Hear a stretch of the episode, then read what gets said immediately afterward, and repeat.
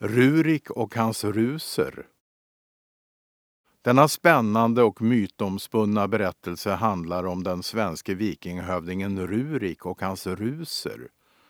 Man vet egentligen inte så mycket om de svenska vikingarna eftersom de inte har nedtecknat något om sig själva. Troligen dog Rurik år 879. Han är en legendomspunnen varjagfurste som anses vara grundare till Ryssland.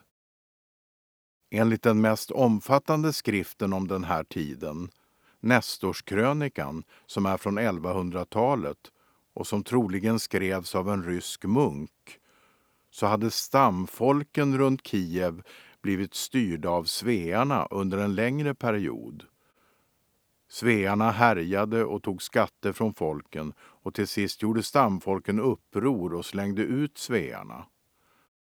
Men de östslaviska stammarna i det kievrusiska riket splittrades och till sist återkallade man Sveafursten Rurik och hans ruser för att bringa ordning i riket igen.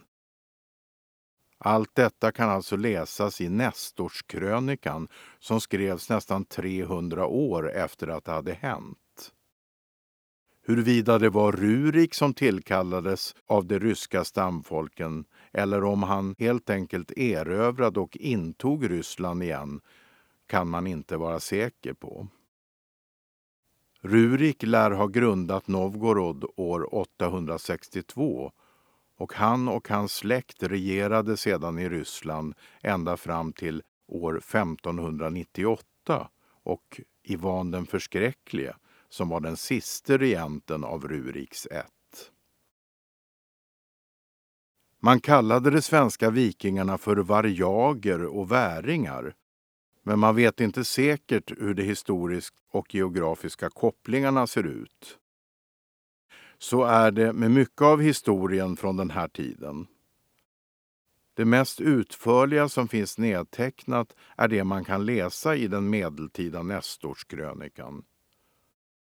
Dessutom har man faktiskt hittat arkeologiska fynd runt Kiev i Ryssland som kan härledas till Norden från den tiden Rurik lär ha regerat från år 862 till sin död 879. Även här i Uppland har man gjort fynd att det har funnits ett handelsutbyte.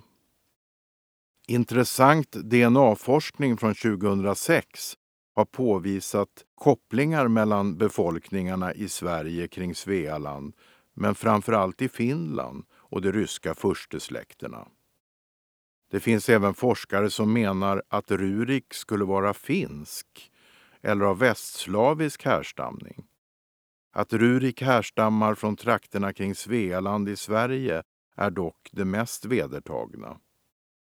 Troligen var det mera komplext eftersom att flera folkslag från olika landområden samarbetade och erövrade varandras och andras områden och därmed även blandades.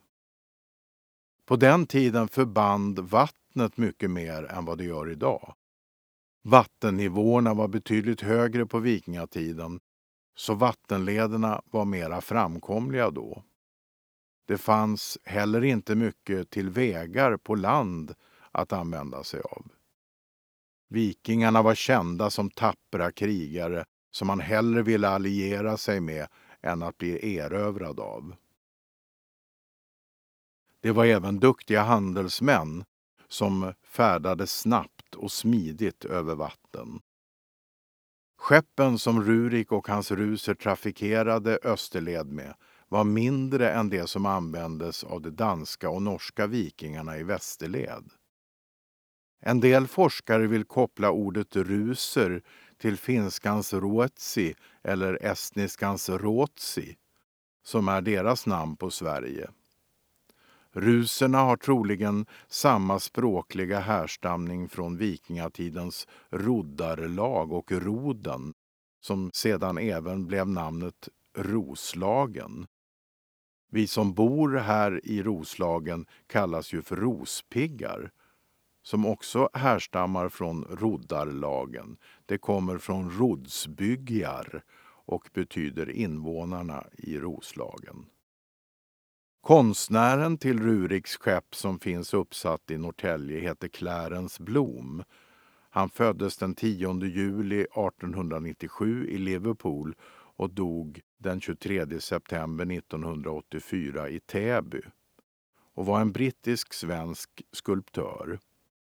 Blom utbildade sig vid Konstakademin i Stockholm och i Dresden samt i Paris och Florens. Han gjorde framförallt skulpturer i intimt format. Skulpturen donerades 1974 av Selim Karlebo som föddes den 8 september 1892 och gick bort den 11 maj 1982. Han var en svensk ingenjör och företagare som också ägde en liten herrgård utanför Norrtälje som heter Ilsholm. År 2004 gjordes ett 30-årsjubileum vid Ruriks skepp i Norrtälje på initiativ av lektorn och historikern Lennart Jansson och mig, stadsguiden Mikael Blom. Lennart Jansson höll tal och jag sjöng Evert Taubes gammelvals i Roslagen där två verser handlar om just detta. Sedan inbjöds alla till kaffe och tårta på SS Norrtälje. Upplev flera berättelser och objekt på plats med Geostory-appen. I appen kan du också tävla om att bli väktare och beskyddare för dessa. Finns där appar finns. Har du förslag på intressanta och bra berättelser som du tycker borde finnas i Geostory? Gå då in på geostory.se, välj bidra under meny och klicka sedan på förslag på Geostory. Vill du även hjälpa till och sponsra redan inlämnade historier kan du välja insamling och sen sponsra med det du vill och kan. Vill ditt företag höras här?